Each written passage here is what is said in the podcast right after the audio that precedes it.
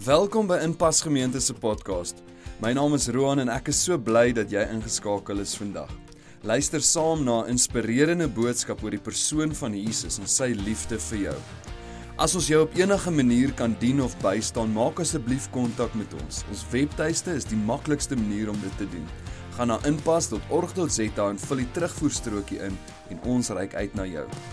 As hierdie podcast 'n impak maak in jou persoonlike verhouding met Jesus, wil ons jou uitnooi om jou geloof prakties uit te leef.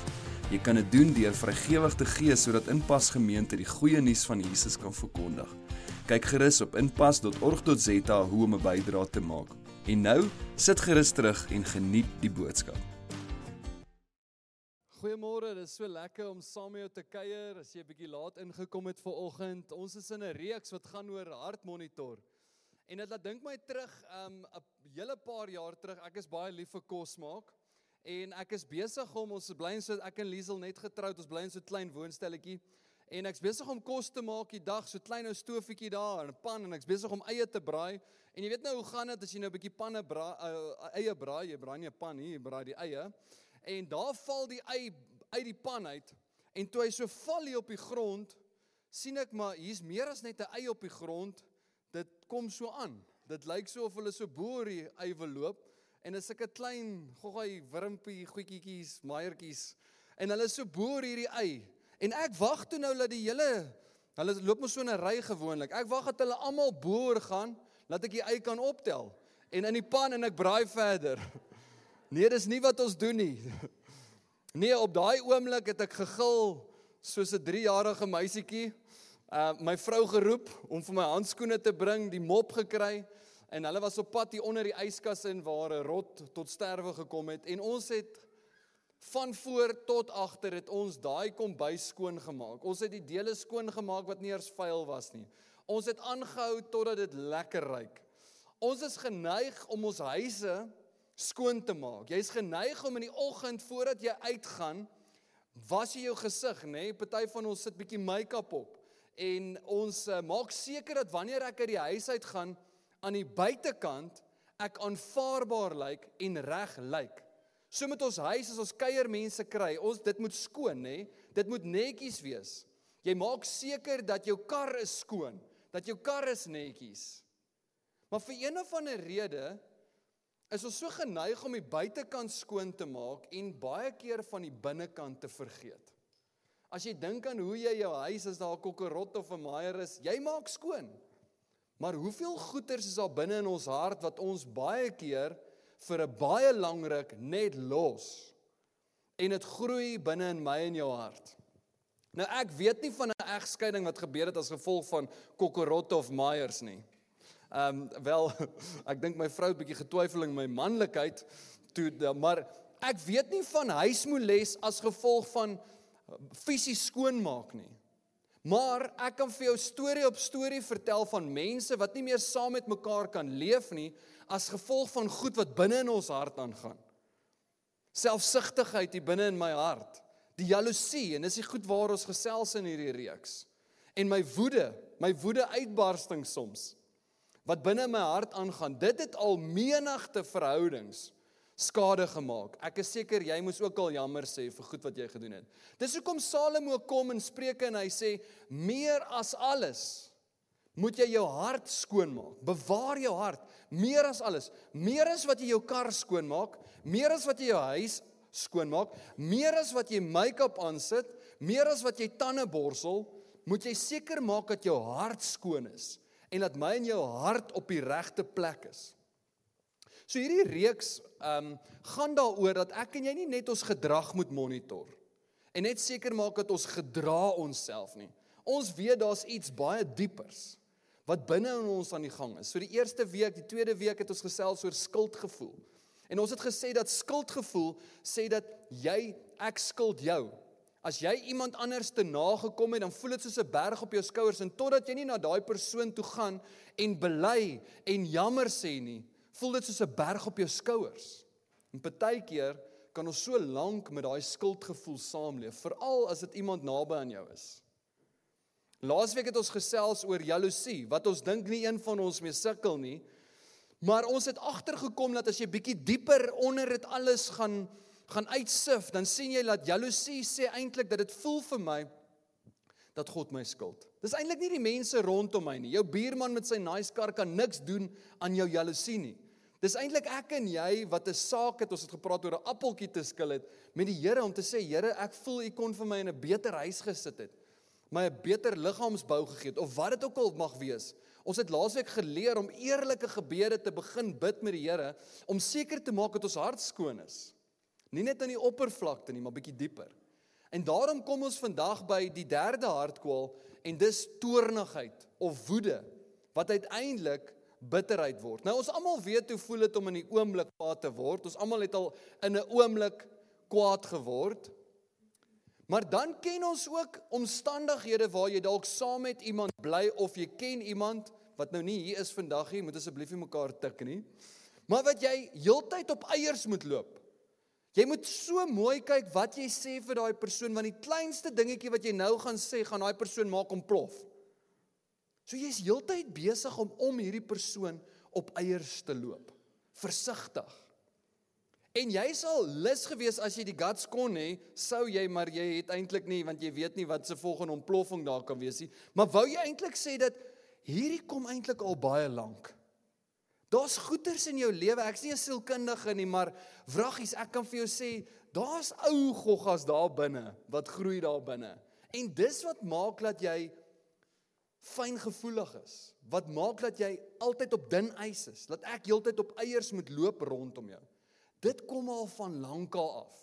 Dis wat ons baie keer lus is om te sê vir so 'n persoon. Nou ek weet nie van jou nie, Maar my temperament, kyk ons het mos verskillende temperamente, nê?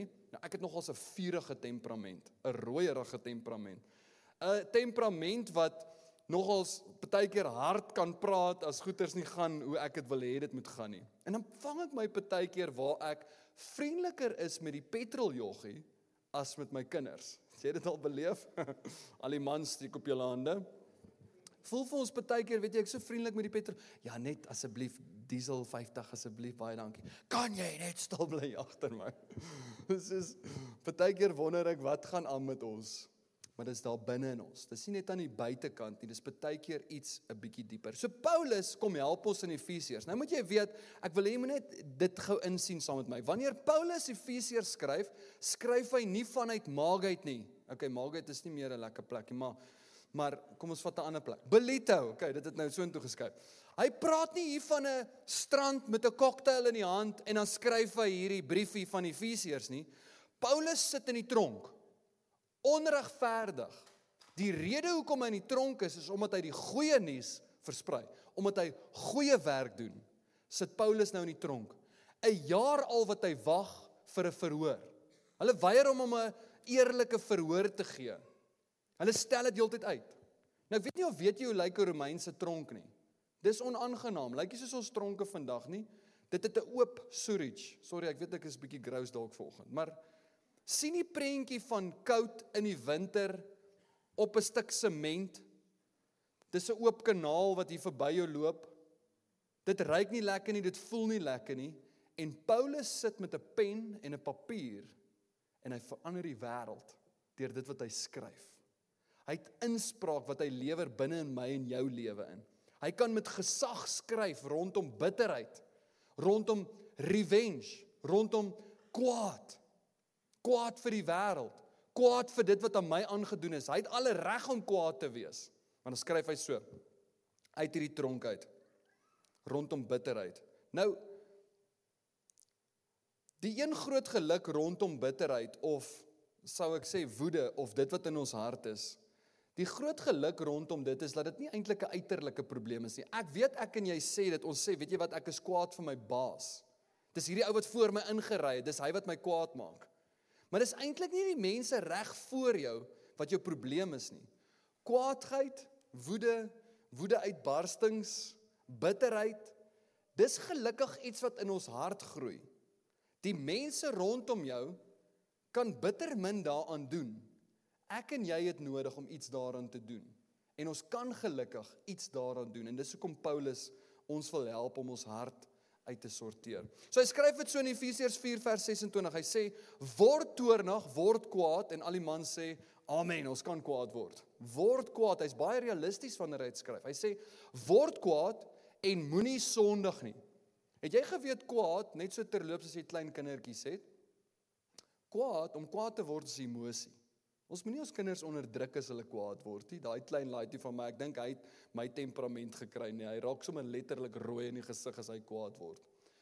En dan om nie net om te stop en te sê jy mag nie kwaad word nie. Paulus sê word kwaad. Jy mag kwaad word. Die kwessie hier is nie mag jy kwaad word ja of nee nie. Die kwessie hier is is as jy kwaad word, wat doen jy? Kan jy kwaad word en nie sondig nie? Kan jy kwaad word en nie iemand seermaak nie? Kan jy kwaad word en nie iemand wil terugkry nie? Kan ek en jy kwaad word en nie revenge wil hê nie? Word kwaad, maar moenie sondig nie. Kan ek en jy kwaad word sonder om spiteful te wees? En dis die vraag vir oggend. Dan gebruik hy 'n Joodse idioom. Ons Afrikaners het ook hierdie idioom oorgekopie en gepaste. Ek gaan nou vir jou sê. Maar ek en jy, ek wil vir oggend met 'n illustrasie gaan ek jou hierdie idioom mooi verduidelik, hierdie Joodse idioom. Maar hy sê, laat die son nie ondergaan oor jou toring nie. Laat die son nie ondergaan oor jou toring nie. Moenie vandag se kwaadheid oordra in môre in nie. Moenie dit saam met jou dra nie. Moenie dit wat jou gister kwaad gemaak het nou nog steeds saam met jou dra in die toekoms in nie. Nou ek onthou van die eerste raad wat mense vir my gegee het en vir Liesel gegee het toe ons getrou het was wat? Hierdie vers, nee. Moenie kwaad gaan slaap nie. Dis ons dis ons dis ons go-to ding as jy Afrikaans is en jy gaan nou trou dan sê moet net nooit kwaad gaan slaap nie, nê? Nee? Jeg, nou is ek en Liesel 3 uur die oggend nog steeds besig om hierdie ding te probeer uitsorteer. Ons gaan vanaand hierdie ding deurpraat en sy haar temperament is anders as myne. Kan jy my net bietjie spasie gee? Ek kan nie nou hierdie hele ding nou hier uitpak en nou oor hierdie hele ding nee, vanaand voor ons slaap. Ons sal nie slaap nie al deur nag ons, maar ons gaan hierdie ding praat en ons gaan hom deurpraat en ons gaan hom deurwerk. En ek dink baie van ons het hierdie vers al so letterlik opgevat dat dit gaan oor as die son sak vanaand voordat ek moenie kwaad gaan slaap nie. Dis ons Afrikaanse manier om dit te sê. Maar Paulus praat eintlik hier van seisoene. Hy praat nie eintlik hier van 24 uur nie. Paulus is besig om hierso te gesels met ons oor moenie iets in die verlede saam met jou dra. Moenie laat die son sak oor 'n seisoen van jou lewe en jy's nog steeds kwaad en jy gaan aan na 'n volgende seisoen toe van jou lewe en jy steeds besig om kwaad te word. Hy sê en gee aan die duiwel geen plek nie. Dis die rede hoekom ek en jy nie moet iets saam met ons sleep in die toekoms in nie, want dan kry die duiwel 'n plek in jou lewe. Of kom ons sê dit so. Dis oukei okay om kwaad te word in die oomblik. Maar om kwaadheid saam met jou te dra totdat dit bitterheid word, gee jy plek vir die vyand in jou lewe waar jy hom eintlik toestemming gee en sê, weet jy wat, jy kan my verhoudinge kom vernietig want ek dra nou bitterheid saam met my. Hierdie bitterheid, ongelukkigheid, hierdie kwaadheid wat ek saam met my dra, begin 'n invloed te hê in ander mense se lewens rondom my, die verhoudinge wat ek het. En die waarheid is daai mense staan en kyk jou snaaks aan en dink, weet jy, dit wat ek nou gesê het was regtig so erg vir jou om so 'n uitbarsting te kry nie. Wat is dit? Wat is dit wat jou plaas? Kom agter in so 'n persoon. Dis iets wat al vir 'n lang tyd kom. So woede sê jy skuld my. Jy het iets weggevat van my af. Jy het my idee gevat by die werk en jy skuld my. Jy skuld my erkenning. Of jy voel dalk oor jou ouers. Weet jy wat? Julle julle het 'n gedeelte een van jou ouers het uit die uit die huis uit gestap toe jy kind was en jy voel tot vandag toe jou pa skuld jou. Jou pa skuld jou. En hy skuld jou jou kinderjare of jy voel dalk jou vrou, jou eerste vrou wat uit die huwelik uit gestap het, sy skuld jou. Jy sy skuld jou jou geluk, sy skuld jou jou toekoms. Ek wil vanoggend vir ons hierdie ding verduidelik met met drie stoele. En daar's seisoene in ons lewe. Jy sien die eerste stoel dalk toe jy kind was. Toe jy daar op laerskool was of selfs nog kleiner. Dan hierdie tweede stoel is dalk bietjie meer hoërskool of jong volwasse En die derde stoel is waarskynlik waar jy getroud is en waar jy kinders kry. En wat Paulus kom en sê in hierdie teksgedeelte, hy sê moenie laat die son sak oor 'n seisoen van jou lewe. Iemand het jou kwaad gemaak. Kan jou ouers wees, 'n onderwyser wees, 'n maatjie wees op skool. Daar toe jy 'n klein chokkertjie was, het jy jou kwaad gemaak. En jy het nooit dit gehanteer nie. Want as kind het jy nie eintlik geleer hoe om sulke goed te hanteer nie. En jy het dit saam met jou gevat in 'n volgende seisoen van jou lewe. En jy dra dit saam met jou. Jy's eintlik nog kwaad vir daai ou. Maar nou dat 'n nuwe seisoen, hierdie seisoen is verby in jou lewe, jy kan nie eers meer die persoon wat jou kwaad gemaak het se naam onthou nie. Maar al wat jy voel en beleef is 'n effense bitterheid in jou lewe. Daai meisie wat jou op hoërskool gedrop het, gelos het, En jy's kwaad vir haar, maar jy het dit nooit hanteer nie, want jy was jonk en hoekom sou jy nou? Jy het dit net gelos. Dra jy oor binne in jou huwelik in. En daai bitterheid dra ek en jy saam met ons. Jy skuld my. Dit voel vir jou iemand skuld jou en jy dit nooit hanteer nie. En jy dra dit saam met jou en die mense vandag dit hulle beleef dis soos om om om kwaad te wees vir iemand is soos 'n oop rekening. Die rekening bly oop deur elke seisoen. Die rekening is nooit toegemaak toe hierdie seisoen verby was in jou lewe nie. Jy sit met daai oop rekening. Jy skuld my. Jy skuld my. En genoeg oop rekeninge in my en jou lewe is wat uiteindelik bitterheid vorm in ons lewe. En ek en jy het nodig om baie keer terug te gaan en te te onthou wie dit was. Voordat die son sak, het ek en jy nodig. So dit is so gou as moontlik.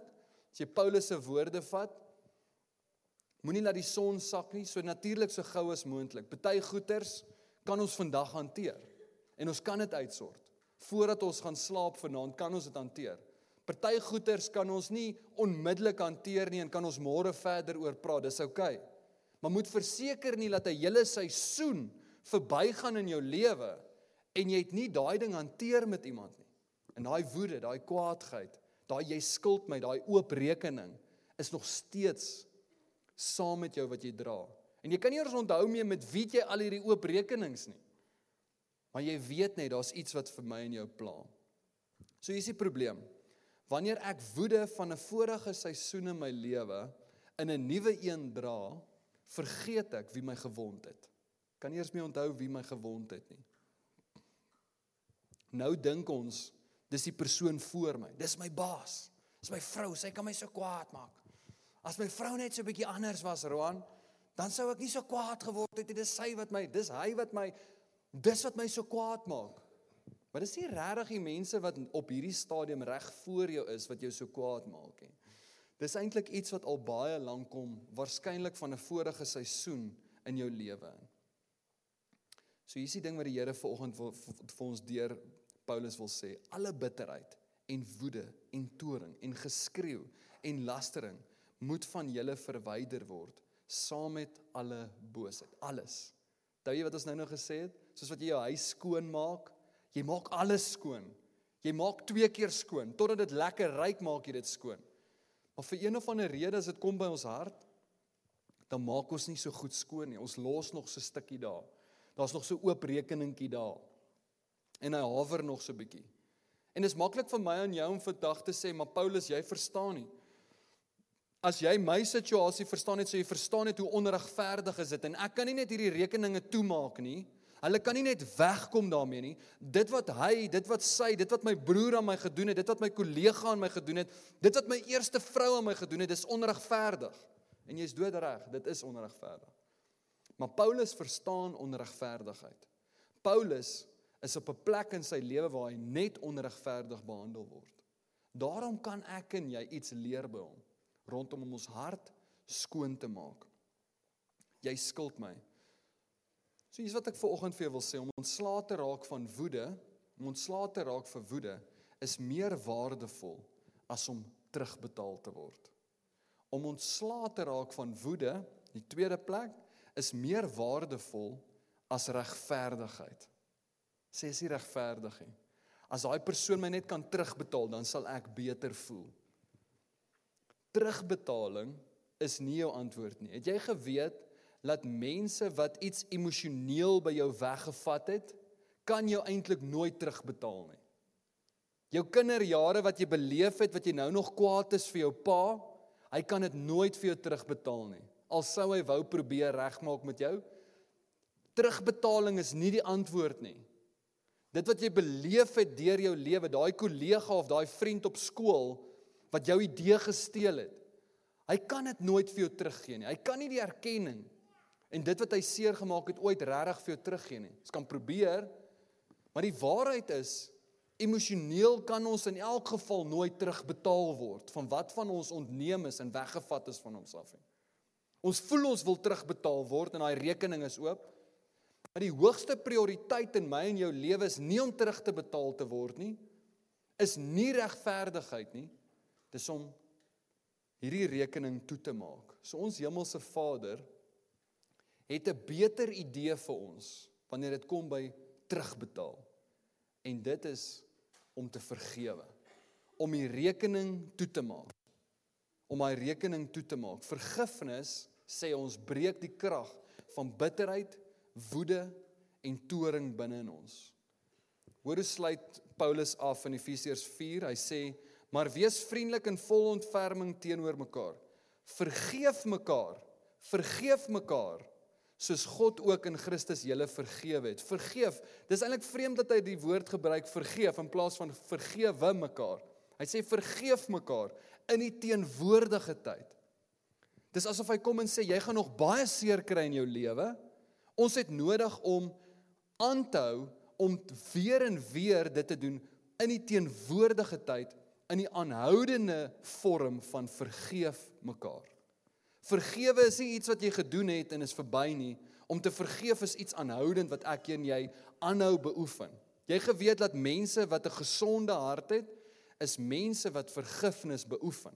Hulle leef konstant met vergeef. Vergeef. Weet jy, ek weet ek moet vergewe want hierdie las kan ek nie saam met my dra nie. Hierdie rekening wat so oop is heeltyd, gaan uiteindelik bitterheid veroorsaak in my lewe en ek wil nie bitter word in my lewe nie. Ek wil nie bitterheid saam met my dra in my lewe nie. En ek weet jy sit hier ver oggend en jy stem saam met my dat jy wil ook 'n gesonde hart hê en jy wil ook alle bitterheid en woede en dit wat mense aan jou gedoen het in daai oop rekening, ek is seker jy wil ook dit alles verwyder uit jou hart uit vir oggend. So kom ek help jou prakties vir oggend. So 4, ek wil vir jou 4 fases gee om hierdie sirkel van vergifnis in jou lewe te voltooi. En is dalk eers 'n bietjie moeiliker voordat dit makliker gaan word. Maar in die eerste plek vanoggend, wie? Wie is dit wat jou kwaad gemaak het? Wie? Is dit vir jou moontlik om 'n seisoen terug te kyk? Die wie is nie die mense wat nou voor jou staan nie. Dis nie hulle eintlik wat jy meer 'n probleem het nie. Wie het jou kwaad gemaak? Kan ek en jy so twee seisoene dalk terugkyk in ons lewens? En seker maak dat my hart is oukei. Okay. Seker maak ek dra nie iets saam met my van wat gebeur het hier toe ek 'n kind was nie. Ja, maar Roan, dis nou ou koeie uit die sloot uit grawe. Wel daai ou koeie in die sloot uit is besig om ons verhoudinge op hierdie stadium te beïnvloed. Ek en jy het nodig om te vra, wie was dit spesifiek? En ek wil hê wanneer ek en jy iemand moet vergewe, wie, die wie kan nie 'n organisasie wees nie. Weet jy wat toe ek hier was, die kerk het my so kwaad gemaak. Die kerk is nie, jy kan nie die kerk vergewe nie. Die kerk sê eerder dominee, pastoor en 'n naam. Want dit help my en jou om aan te beweeg. Dit help my en jou om 'n rekening te kan toemaak. Wie is dit vir oggend in die eerste plek? Dan in die tweede plek, wat? Wat het daai persoon jou van ontneem? Jy weet baie keer goeters wat fisies is, is makliker om te kan erken. As iemand jou fisies geslaan het op die neus, dis maklik. Wat? Wat het daai persoon van jou ontneem? Wat het daai persoon aan jou gedoen? Maar wanneer dit kom by emosionele goeters, veral vir ons mans, ons sukkel met hierdie ene. Wat is van my ontneem? Wat is van my weggeneem? En ek hê jy moet baie spesifiek wees. Moenie net sommer in die algemeen nie. Jy het nodig om 'n lysie te maak met wat, wie en wat. Wat is spesifiek weggeneem van jou? Het jy geweet dat jy kan nie eintlik 'n rekening toemaak, iemand vergewe as jy nie eers daai rekening mooi gaan kyk het wat spesifiek is weggeneem van jou nie. En eerlik gaan sit dit en elke ding neer gaan skryf het. Dis wat van my ontneem is. Dis wat weggeneem is van my af. Partykeer los ons hierdie goeters nê wat aan ons gedoen is sommer net so vaag in die agtergrond. En dis wat maak dat ons na 'n nuwe seisoen toe beweeg en nooit mooi deur daai lysie gewerk het van wat presies is dit wat van my af ontneem is.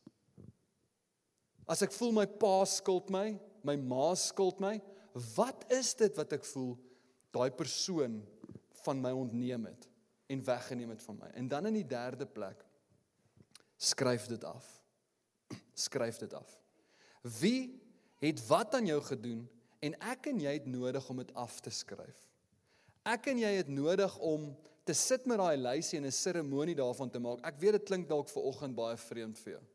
Maar om 'n vuurtjie daar by jou huis aan te steek en te sê, weet jy wat?